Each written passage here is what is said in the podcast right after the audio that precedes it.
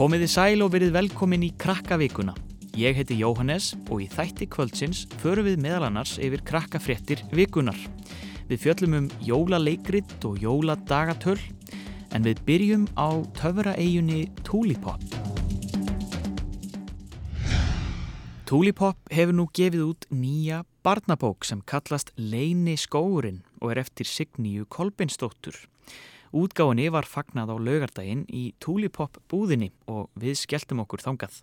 Ég startur hérna í Tulipop búðinni á skólaugri stíg þar sem ég er búin að króa af höfund nýrar bókar um uh, Tulipop og sem gerist á Tulipop, Signý Kolbeinsdóttir til hamingi með bókina, nýju. Takk fyrir. Segðu mér auðvitið bara, uh, já, hvað er, hvað er ég að byrja? Ég er að byrja, byrja að tala um, sko, það er mjög langt síðan að kom síðast út Tulipop bók. Já. Hvernig er, hvernig er þessi bók? Þetta er svona uppbruna bók. Uh, ég veit ekki alveg hvernig orða en þarna skyggnumst við í heim búa og glóar, sveppa sískinanna.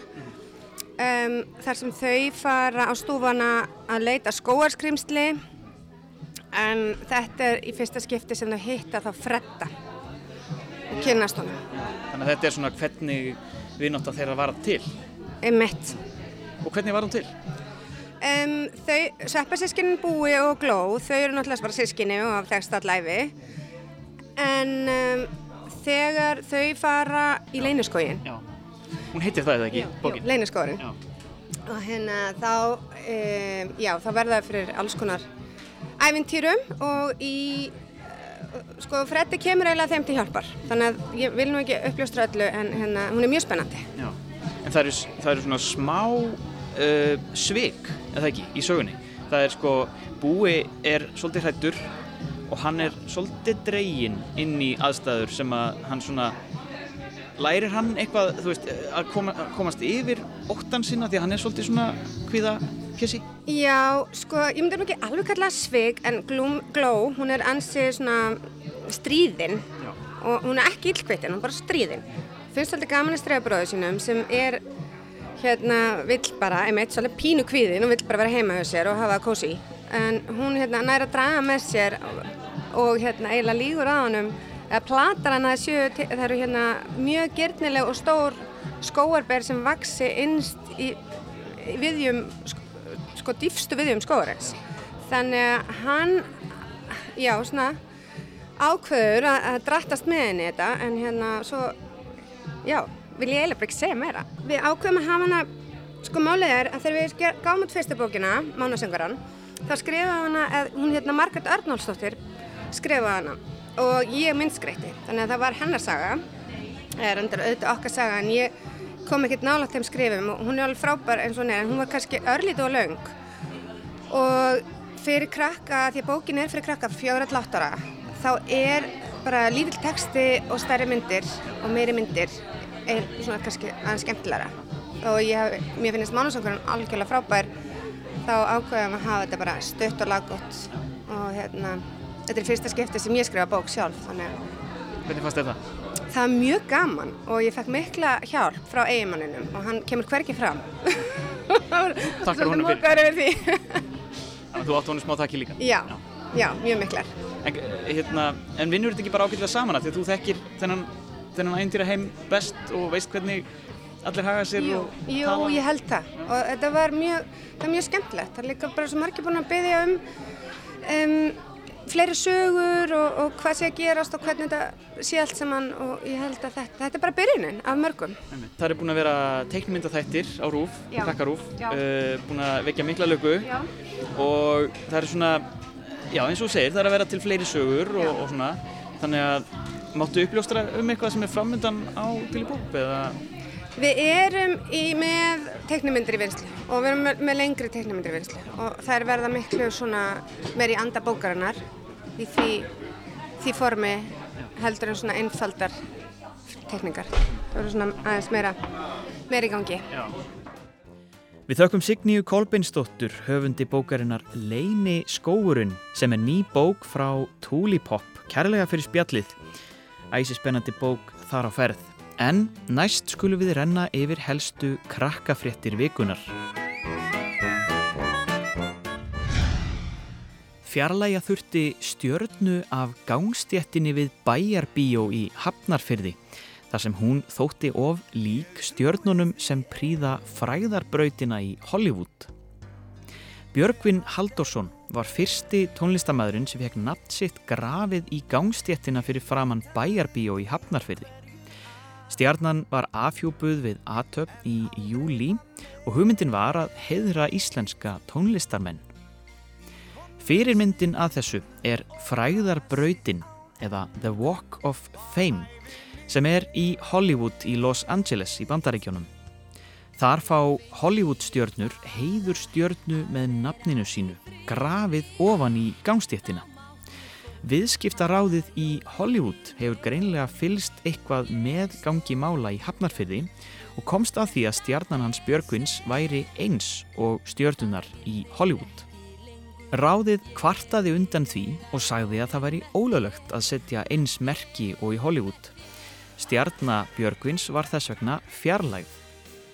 Bæjar ráð Hafnarfjörðar dó aftur á móti ekki ráðalust. Ákveði var að setja nýja stjörnu sem lítur öðruvísi út og verður meira í stíl Hafnarfjörðar eins og Björgvin sjálfur orðaði það.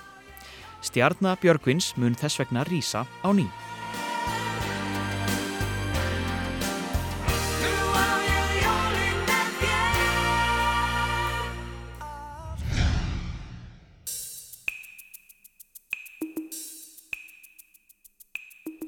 Það getur verið erfitt að býða eftir jólunum og sumir telja niður dagana og jáfnvel klukkutímana.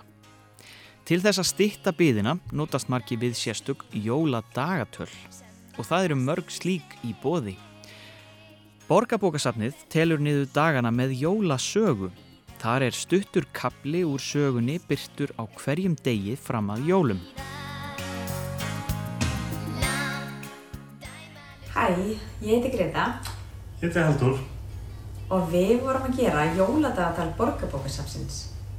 Og inn á VF Borgarbókasafsins er þetta sjá jóladagatalið sem heitir Jólaálurinn sem flytti inn og á hverjum degi fram að jólum er þetta að opna einn glugga og lesa hluta af sögunni.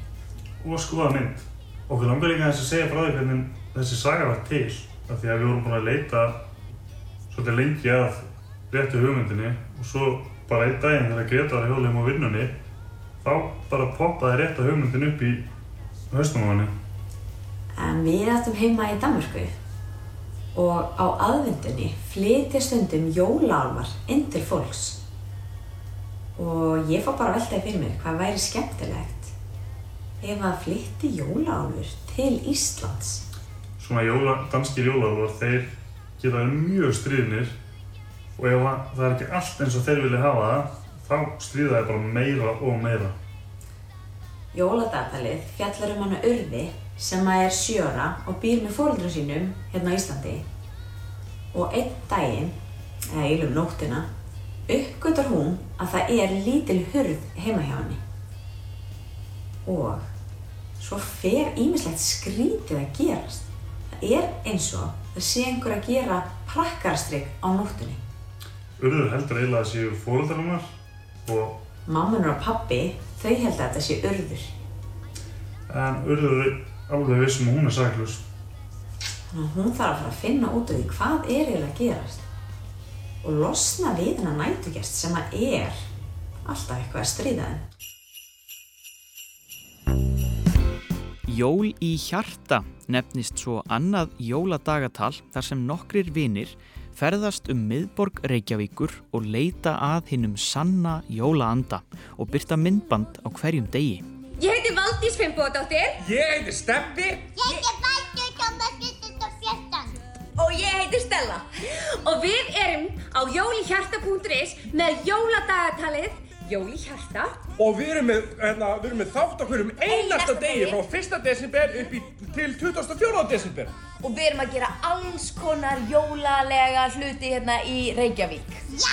og við hlökkum til að sjá ykkur á jólihjarta.is Bless! Bless! Ég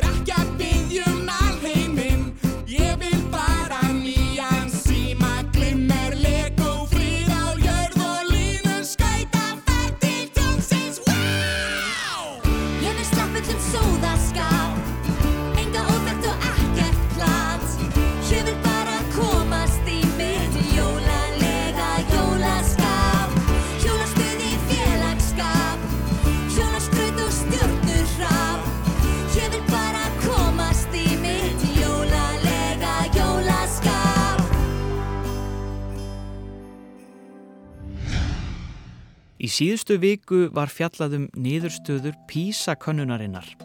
Þar kom fram að lesskilningur íslenskra barna hefur versnað á undanförnum árum. PISA er alþjóðleg langtíma rannsókn sem þýðir að hægt er að bera niðurstöðuna saman við árangur fyrri ára. Á þryggja ára fresti er færni nefenda í lestri, náttúrufræði og stærðfræði könnuð. Í nýjustu könnunni tókur 600.000 nefendur þátt í 79 löndum. Nýjar niðurstöður úr PISA sína að leskilningur íslenskra barna er enn ekki nógu góður. Í ár var sérstök áhersla lögð á leskilning en það var síðast gert árið 2009.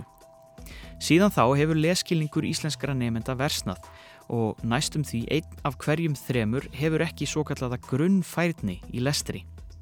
Færni í náttúruvísindum stendur nokkurnuðin í stað en nefendur bæta sig hins vegar í starðfræði. Mentamálar á þeirra segir nöðsynlegt að ebla orðaforða barna og fjölga íslensku tímum til að bæta lestrarfærni. Formaður Kennarasambands Íslands, Ragnar Þór Pétursson, kom til okkar í krakkafréttinnar og útskýrði málið aðeins betur. Það er ekki verið að mæla krakka. Það er verið að mæla kerfið sem krakkarnir eru í. Það er verið að mæla hvort að kerfið í kringum krakkana sé að virka. Kerfið er ekki að virka, en það þýr ekki að býða eftir að kerfið lægi sig. Krakkar þurfa að lesa meira, þau þurfa að horfa á fréttir, þau þurfa að horfa á krakkafréttir, þau þurfa að spyrja meira, vera gaggrítni og svo þetta bara þurfa krakkar að reyna að standa sér vel í öllu sem þau gera. Þau þurfa að metna líka fyrir skólanum sínum. Þetta eru svona fjóri kassar og það er best að vera í þessum kassa. Í þessum kassa stendur maður sér vel á písaprófunu, svara mörgum spurningum rétt, þanga vilja allir komast. Við erum í kassanum hér fyrir neðan. Við stöndum okkur ekki alveg nógu vel í að svara sumum spurningunum en við erum, við erum með mikinn jöfnuð, við erum með gott skólakerfi og, og, og, hérna, og heilbrygt samfélag. Þannig að ef við náum að laga það sem vantar upp á að svara spurningunum rétt, þá komumst við á staði sem allir er reyna að komast á. Stjörnufræðingar hafa fundið gasplánetu sem er að gufa upp umhverfis kvíta dvergstjörnu. Þetta skrítna sólkerfi gefur okkur vísbendingar um örlög okkar eigin sólkerfis í mjög fjarlægri framtíð. Þegar stjörnur eins og sólin okkar hætta að skína og deyja, enda þær sem hvítir dvergar.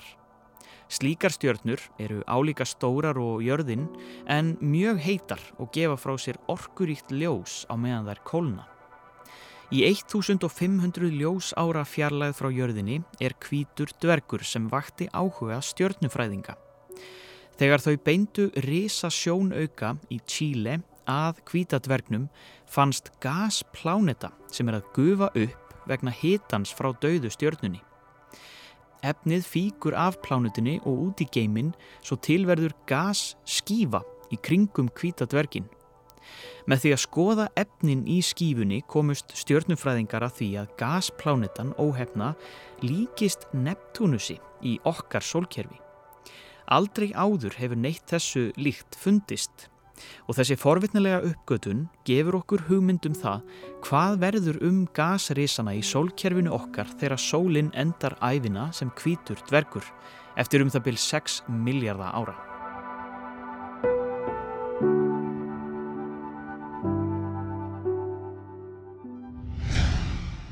Þorri og Þura eru að undirbúa jólinn í Tjarnarbíói við tjörnina í Reykjavík og þar er svo sannlega búið að vera jólalegt undanfarna sunnudaga.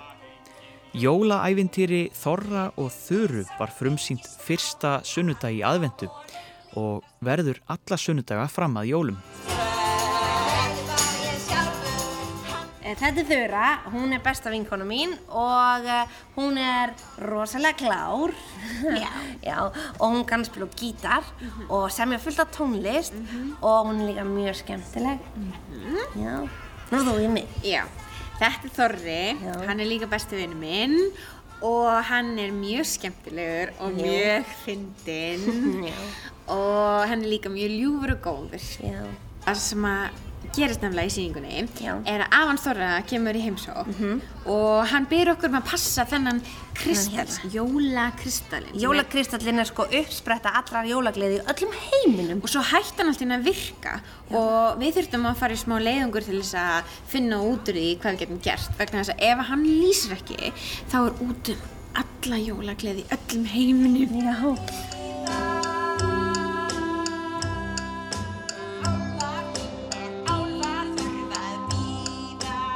Bóðskapur sögunar og leikritsins er að lítil góðverk geta haft stór áhrif. Þetta er síning fyrir krakka, litla krakka og stóra krakka og fjölskylduna þeirra, kannski frá svona tveggjur aldri.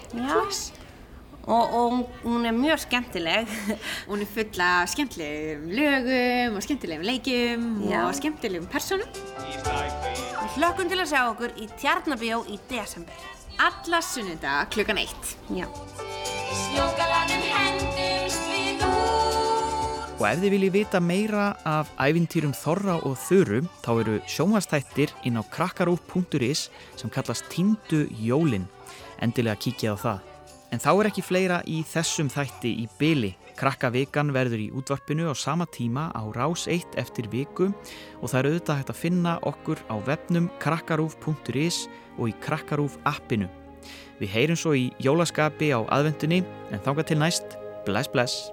Á fyrsta sunnudegi aðvendunnar ég ek til kaupmannsins í einum rykk því þó að fjárhislutnar gerist grunnar ég geri vel við mig í mat og drykk Ég kaupi sætabrauð og súkkulaði, súpur og ávexti og kjöt og smér. Klifjaður gósi burt ég held með hraði og hleði skottið allskins gúmelaði. Þá meiga jólin koma fyrir mér. Á öðrum sunnudegi aðvendunar, allíðar hreinsunar starf á sér stað. Þá söng perlur ég söng lagímsum kunnar og síðan læt ég renni fun heitt bað. Þá alla spjarinnar ég af mér reyti og öllum deginum við þvotta ver. Ég skrúpa tærnar skekk og lupa bleiti Ég skef úr eyrum svonað mestu leiti Á mega jólin koma fyrir mér Á þriðja sunnudegi aðvendunnar Andlegur hliðinni ég geri skil En til að virka skulu visku brunnar sko vera rakir eða þar um bíl. Það stóðar lít að sitja einn með ekka, örlögum heimsins velta fyrir sér. En ég verð heimsins mesta mannvits brekka, á meðan ég fæ bara nóg að drekka. Á mig að jólin koma fyrir mér. Á fjórða sunnudegi aðvendunnar ég æðum húsið til að gera fínt en skreitingarnar eru ansið þunnar því áran skrautið virðist mest allt tínt. Ég skvetti sápu vatn á gólf og glugga og gref upp nokkuð heillegt sængur ver. Við bústnum ríkmaurum ég reyna stugga og rið svo þvottinum í næsta skugga. Þá mega jólin koma fyrir mér. Loks þegar aðfanganna dagað drífur, ég dreg fram spari fött og flippa hnapp. Svo þegar skirtu kræin stendur stífur, ég star í speilin og gef mér klapp. Því jólin eru tími til að þakka og taka ofan fyrir þeim sem ber á meðan ég hef matarögna smakka og meðan ég fær í savaksinn pakka þá mega jólin koma me.